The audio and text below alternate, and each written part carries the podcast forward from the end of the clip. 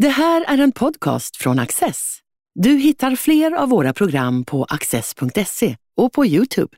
Mycket nöje! Hur ska Europeiska unionen hantera Lukasjenko, kris i förlossningsvården och blir Magdalena Andersson Sveriges nästa statsminister? Det här är veckans ämnen i panelen. Torbjörn Hollö, du är LO-ekonom. Hanne Kjöller, du är krönikör i Dagens Nyheter och aktuell med en ny bok. Vad heter den? Handbok för fifflare. Spännande. Arvid Ålund, du är fri skribent och lyckligt pappaledig. Stämmer. Varmt välkomna alla tre. Tack. Tack. För var dag som går ökar spänningarna vid den polsk-belarusiska gränsen. I ett försök att destabilisera Europeiska unionen försöker regimen i Minsk att skapa en ny flyktingkris. Situationen innebär både ett etiskt och säkerhetspolitiskt dilemma för unionen.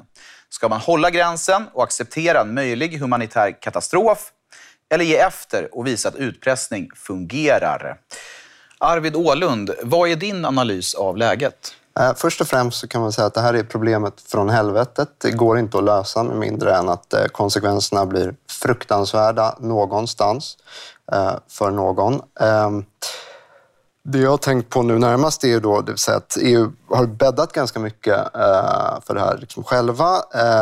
Visserligen så hade man ju, kan man ju säga att man inte hade något val. Det liksom ingår när du har ett sånt här problem som inte har någon uppenbar lösning. Men det vill säga att så som man har löst problemen med Turkiet, där man i princip har eh, slutit någon sorts djävulspakt där man har betalat en auktoritär ledare för att hålla migranterna borta. Det eh, får ju konsekvenser, det här är ganska tydligt. Eh, Ryssland som ju eh, liksom ligger bakom rätt mycket av det som sker, eller väldigt mycket av det som sker i eh, Belarus nu. Deras utrikesminister Sergej Lavrov sa igår, tror jag att det var, ganska tydligt att gör man, varför gör man inte som man har gjort i Turkiet? Det vill säga varför betalar EU inte Belarus för att, så att säga, inte låta de här migranterna ta sig in genom Polen. Det är en grov förvanskning av vad det är som sker. Det här är ju krigföring eh, på ett väldigt extremt cyniskt sätt. Man använder ju liksom eh, både människor och asylrätten som ett vapen. Eh, och min analys är att det går inte att göra något annat än det Polen gör nu och EU måste backa upp. Det är ju fruktansvärt på individnivå, men risken är som alltid att det blir ännu mer fruktansvärt eh, för ännu fler individer om man låter det här ske. Och du kan dra en parallell med USA också, det vill säga där har du ju sett, men vi har alla gnällt på Trump. Visserligen helt korrekt anser jag på många sätt. Hans retorik är frukta, har varit fruktansvärd, men du ser vad som hände när Biden tog över. Eh, och han skickar ner Kamala Harris då, som säger i princip kom inte in, Mexiko. Så, att det här är ett problem på riktigt, det är inte ett problem eh, som eh, liksom går att lösa genom att låtsas bort det. Så. Hanne, vad, vad tänker du? Jag tänker ungefär likadant. Eh, jag tänker så här också att om man ska se den här frågan principiellt så är den otroligt enkel. Eh, därför att migranterna befinner sig på vitryskt territorium, alltså är det Vitrysslands sak att ta hand om dem på något sätt. Men eftersom vi då har att göra med en eh, förfärlig diktator som inte bryr sig om människoliv, vare sig den egna befolkningen eller andras, utan som eh, med berått mod kan låta de här barnfamiljerna frysa ihjäl och svälta ihjäl så har ju vi hamnat lite i en utpressningssituation i EU. Och eh, jag och det är viktigt hur man löser det här, därför att det här, det här är inte bara de som står där vid gränsen idag, utan frågan är ju hur det kommer fyllas på och hur det kommer se ut framöver. Så därför så är det ju på något sätt viktigt att inte ge efter och låta honom vinna den här striden. Och eh, Putin och Lukasjenko, de kommer alltid vara, liksom, använda grövre artilleri än vad den civiliserade världen gör. Så det innebär att om man liksom låter dem vinna så, så kommer det bara liksom insatsen bli högre och högre. Men samtidigt då, eh, det dör människor vid den här gränsen. De har inte tält. De har inte, enligt de uppgifter som har kommit fram så är det ju människor som har druckit så här lite vatten på tre dagar. Ätit ett äpple på fyra dagar. Eh, och jag kan också förstå, eh, givet den spänning som finns där och givet att Polen är det land det är och givet de eh, frivilligorganisationer som finns, att man varken vill ha medier eller de här eh, frivilligorganisationerna på plats. Därför att man tror att det kan bli rörigt och att de kan agera aktivistiskt. Och, eh, jag, jag förstår det. Men jag försvarar inte och jag, jag tycker också att Ja, det är verkligen ingen lösning, men jag tycker i alla fall att man på något sätt borde se, dit, se, dit och få dit, eh, se till att få dit eh, liksom, kläder, tält, mat. Eh, på något sätt eh, göra det. Och sen så visar ju det här också att hur, hur vansinnigt det här migrationssystemet vi har byggt upp är. Där man har sagt att alla har rätt att söka asyl när man kommer på plats, men man kan inte söka asyl från det land man befinner sig i. Det vore ju liksom mycket, mycket bättre att eh, kunna inrätta någon ordning där man under liksom ordnade omständigheter kunde få sina skäl prövade. Och... Eh, för, för, i den här gruppen gissar jag att det finns människor som inte har några asylskäl alls. Det finns människor som har asylskäl och det finns människor som kanske till och med är terrorister och som har helt andra skäl. Och det finns ju liksom en poäng med att liksom, om man fortfarande tycker att vi faktiskt ska ta emot människor som har asylskäl, mm. eh, att, att de ska kunna komma in. Mm. Torbjörn? Alltså jag, jag, tycker det är en eh, avgörande skillnad mellan det som hände 2015 och det som händer nu, i, alltså 2015 i Turkiet, och det som händer nu 2021 i Vitryssland. Det är att, alltså Turkiet hade ju ett reellt problem, nämligen att de var grannland till, eh, till de länderna där många flyktingar kommer ifrån. Alltså man, man, man är granne med Syrien. Man hade helt enkelt miljontals flyktingar som e- på, som, som, som själva hade tagit sig till Turkiet. Här pratar vi om en annan situation, alltså att, att Lukasjenko han har i princip flugit in eller uppmanat folk att flyga in till Vitryssland och skapat därmed en flyktingkris. Alltså, I Turkiets fall fanns ju, fanns ju en anledning till, till Europa att, att, visa solidaritet med, med Turkiet. Även om e- Erdogan betedde sig väldigt eh, illa och aktivt använde flyktingarna som utpressning så fanns det ju ett reellt problem som Europa någonstans hade moralisk skyldighet att, att hjälpa till att att, eh, att lindra genom att helt enkelt ge stöd till de här flyktinglägren i Turkiet. Eh, jag, det, jag, jag ser det som uteslutet eh, att, att Europa skulle falla, alltså, falla till föga för den här utpressningen. Så att man måste ju skruva upp. Tvärtom, man måste helt enkelt pressa Lukasjenko ännu hårdare. Och då kommer vi till frågan vad ska vi göra med de här stackars människorna. Och det är, ju liksom, det är naturligtvis 10 000 frågan. Liksom. För det är klart att vi kan ju, detta är ju det är barnfamiljer som befinner sig i, i skogen. Och jag tror man måste hitta någon modell som gör att att det inte blir attraktivt för nya flyktingar att, att flyga till Irak samtidigt, eller för, för, för, från Irak eller eh, till, till, eh, till eh, Vitryssland samtidigt som de här personerna måste hanteras med, med, med omsorg. Det har ju förts fram en, en möjlig lösning skulle vara att man kan hitta en modell där de här personerna kanske får eh, hjälp att ta sig till Ukraina eller Moldavien eller något annat land i närheten men som inte är med i EU. Så man på sätt hanterar dem på ett rättssäkert sätt inom, eh, i demokratiska länder men att det inte blir EU som blir mottagare av de här flyktingarna. Det, det har fört fram som ett förslag. Det rymmer ju problem men det är en möjlig lösning kanske. Men vad jag har förstått om, rapporteringen är ju väldigt bristfällig eftersom inga journalister släpps fram dit. Men vad jag har förstått så är det ju även så att de här migranterna som står vid gränsen är ju ditfösta av Vitryssland och att de kan inte heller säga, nej men vänta nu struntar vi i det här, jag åker hem igen. Eh, utan, så de är ju fast där i ingenmansland. Och då är det ju frågan, hur kan man då flytta dem till Ukraina eller till Moldavien så länge Lukasjenko inte vill det. Då måste man ju släppa över dem över gränsen och där har ju vi mandat att säga du får åka dit eller du får åka dit. Men då är de ju inom EU och då gäller ju våra, det regelverk som finns. Problemet från helvetet. Ja, men verkligen. De är ju fångade i en råttfälla. Och vad jag förstod från eh, Ekot här på torsdag morgonen så är det ju så att det är ju fler resor som arrangeras. Människor i Irak står ju beredda att ta den här rutten nu också.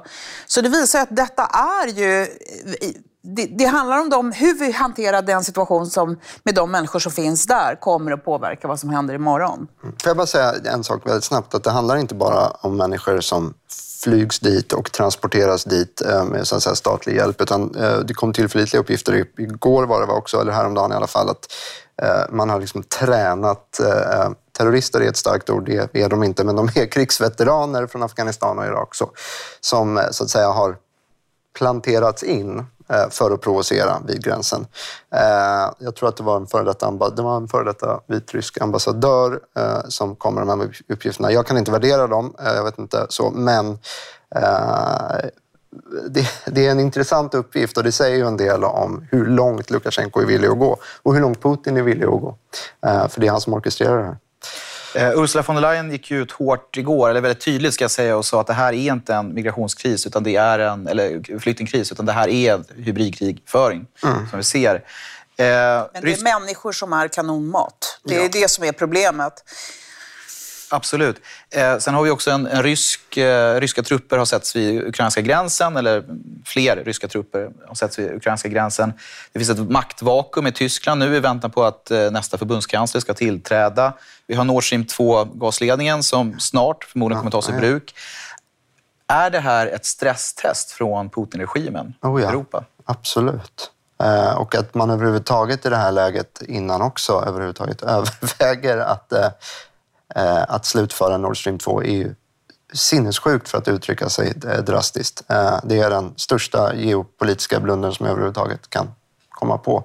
Eh, klimatmässigt också för den delen. Ehm, du kan tysk inrikespolitik bättre än vad jag kan. Men en sak jag skulle vilja säga snabbt om det här. Jag har också sett att folk har fört fram argument som då knyter an till det han säger. Det handlar om människor. Det som sker är fruktansvärt och det är mycket möjligt att man på kort sikt måste lösa det här trots att det skapar incitamentsproblem och sådär. Eh, det jag har sett folk säga är ungefär att eh, det här är bara, det går bara att, eh, så att säga, göra dessa människor till vapen om EU låter Eh, eh, Vitryssland göra det. Tar vi in dem så, så faller hela incitamentstrukturen.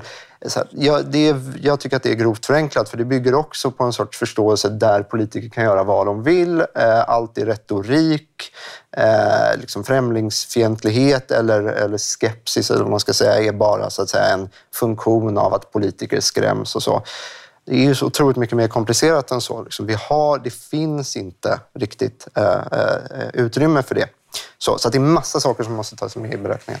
Ja, och där måste vi tyvärr gå vidare till veckans andra ämne, nämligen barnmorskekrisen. Hur är egentligen situationen för landets barnmorskor? I flera nyhetsartiklar och tv-inslag den senaste tiden larmar vårdpersonal om en dålig arbetsmiljö, låga löner och platsbrist.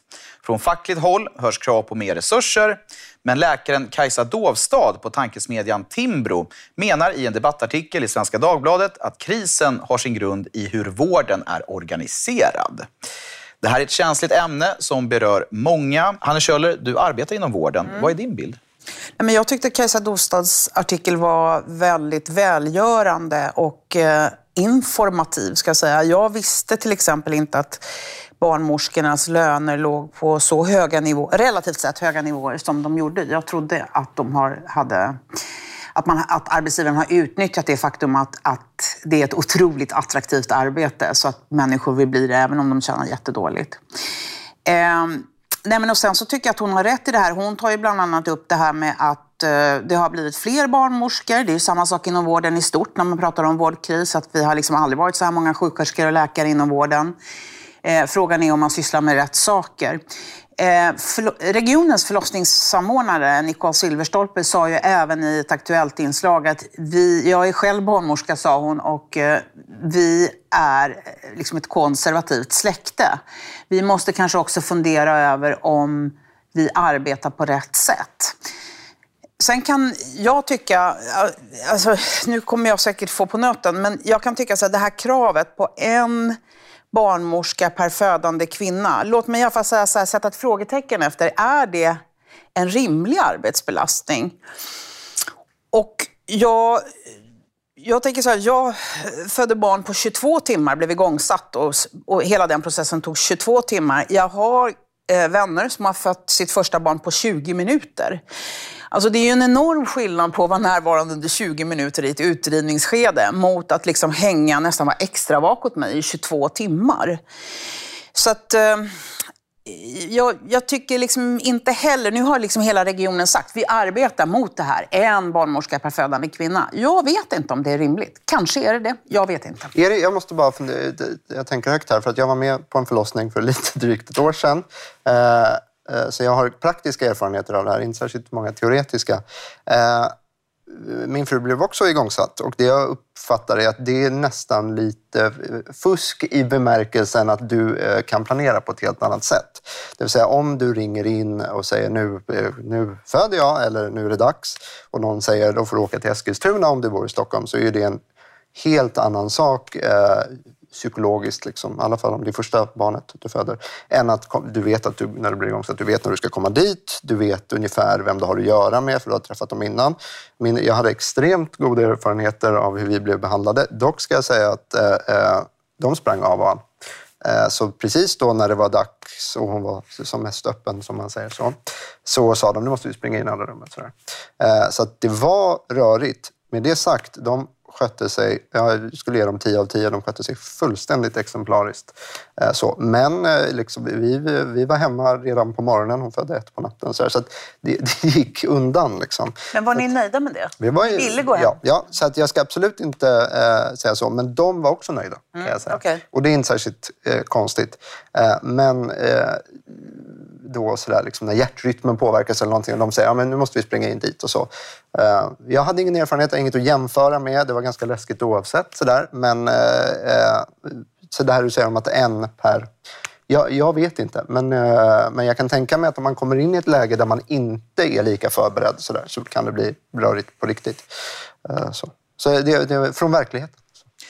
Torbjörn, du är tvåbarnsfar. Trebarnsfar till och med. Trebarnsfar till och med. Vad är dina erfarenheter? Eh, de, de är också som, de är väldigt positiva på alla sätt. Och vi har haft, eh, i, i, från mittensonen behövde, behövde vara kvar ett tag också. Så att, så att, eh, nej, men, så att, och, men, men det är också man inne, det är ju väldigt, ganska starka individer. som, eh, alltså, Många som kommer till sjukvården är inte så starka, ju, men just alltså, vuxna mitt i livet eh, som föder barn är ju väldigt starka så det är klart att det har ju möjlighet att ställa högre krav och vi, ställer väl, vi har ganska stora krav på, på, den, på den vård vi får. Mm. Men jag, jag tänkte bland annat, om man går tillbaka till den här artikeln så jag, jag, jag, alltså jag noterar i alla fall att när det gäller sjuksköterskor så ligger Sverige lågt som andel jämfört med de nordiska länderna. Vi ligger väl ganska bra till när det gäller läkare.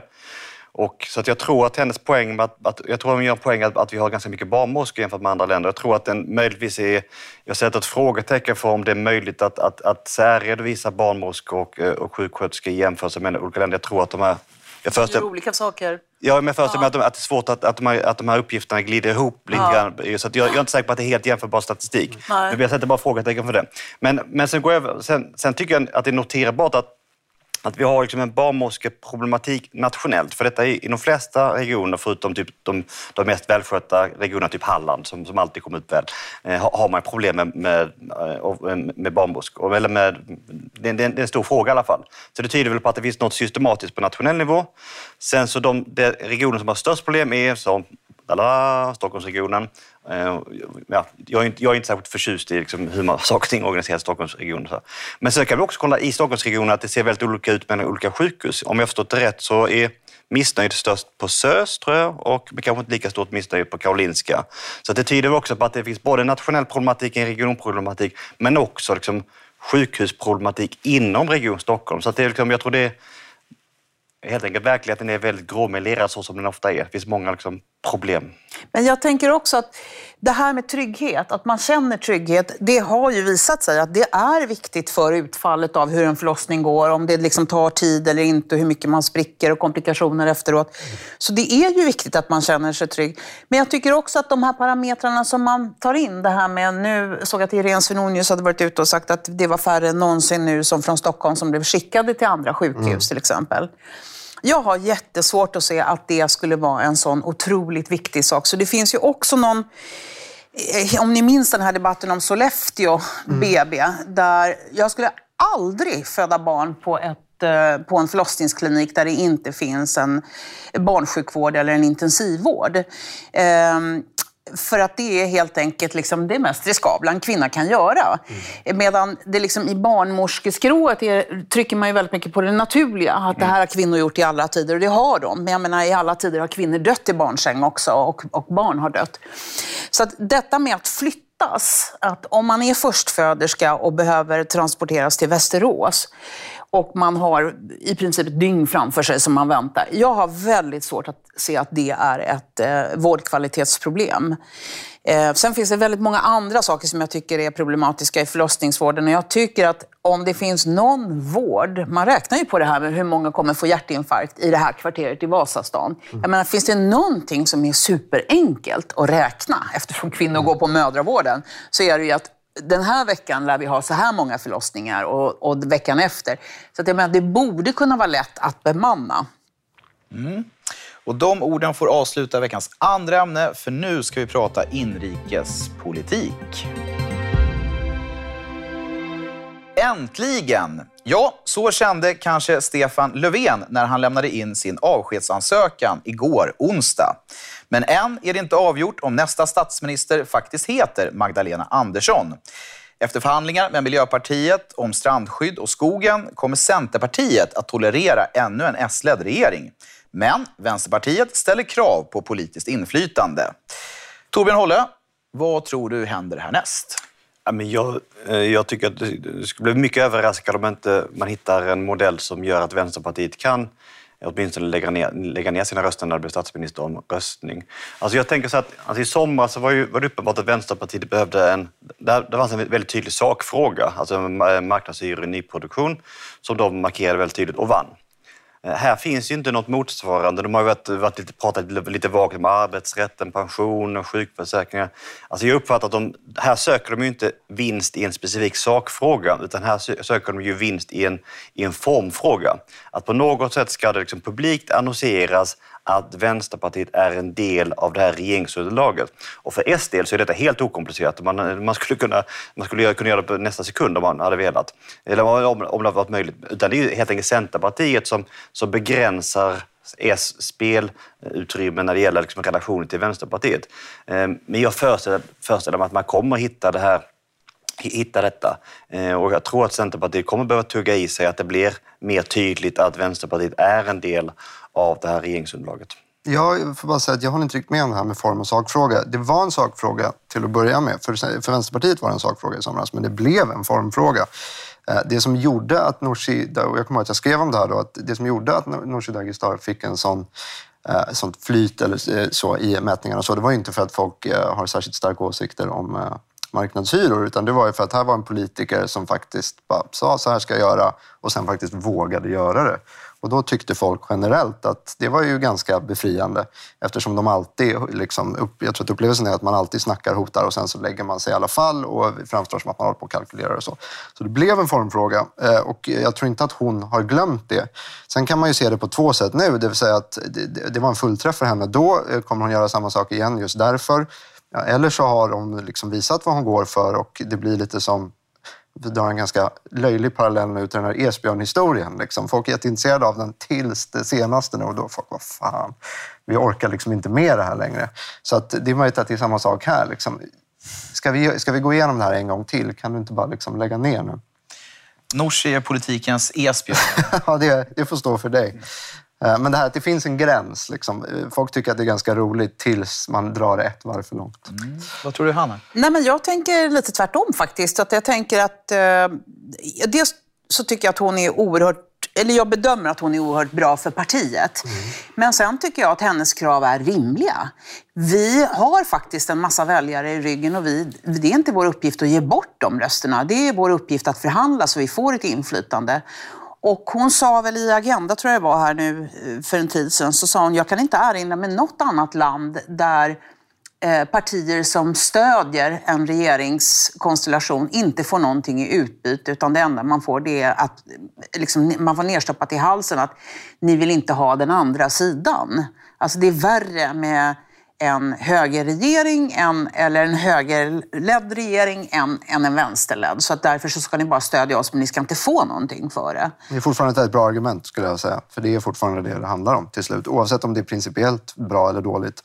Ja. jag menar, det sossarna säger st- stämmer. Jag tycker att hon har en poäng med att säga att vill ni ha vårt stöd så får ni ge oss någonting. Och det hon vill ha nu, vi pratar om sakpolitik eller formpolitik, hon vill ju ha ett erkännande eh, som hon också vill kunna visa sina väljare. Att titta här, vi, de lyssnar faktiskt på oss. Och det tycker jag är fullt rimligt. Det skulle jag också tycka om jag vore partiledare. Eh, så att, eh, det är så. Men jag tror att eh, hon kommer bli statsminister. Det skulle förvåna mig. Magdalena. Annat. Magdalena, ja, inte Nooshi.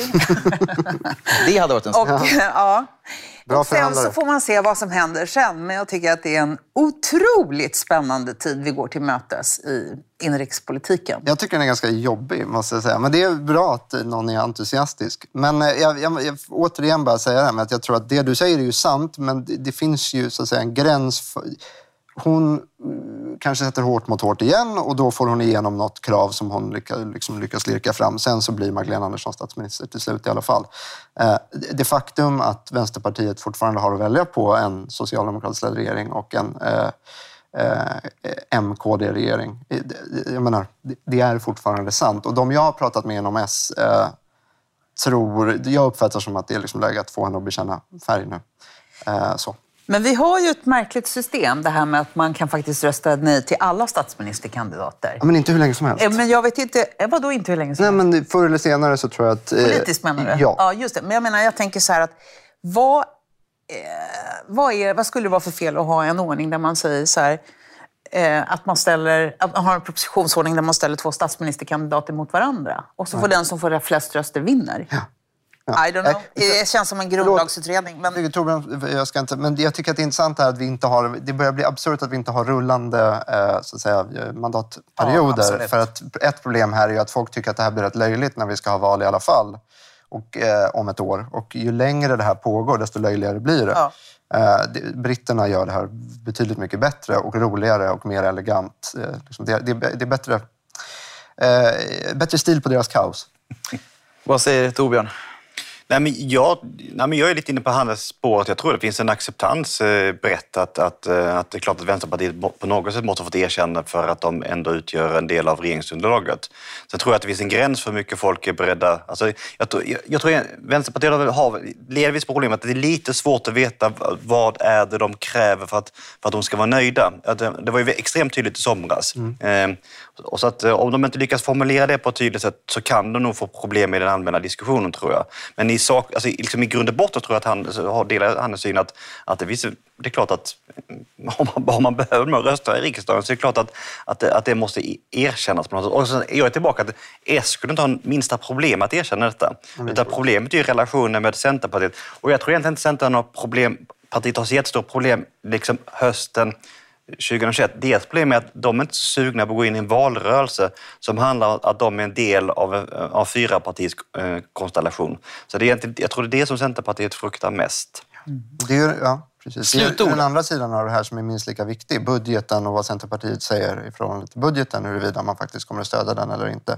För det kommer pågå parallellt. Eh, och Centerpartiet är en historia, en oerhört intressant historia i sig för att du har ett parti med en så att säga, elitkader som är ganska mest till höger i den ekonomiska politiken i riksdagen. Sen så har den nu mer en väljarbas som tycker att det är jättebra med en SMP-regering. Eh, vilket är, säger en hel del om polit, politikens så att säga, normförskjutningar. Och det blir slutord i veckans avsnitt av panelen. Stort tack för att ni har varit med. Du har just lyssnat på en podcast från Access. Du vet väl att vi också är en tv-kanal och tidning? Teckna en prenumeration idag på access.se.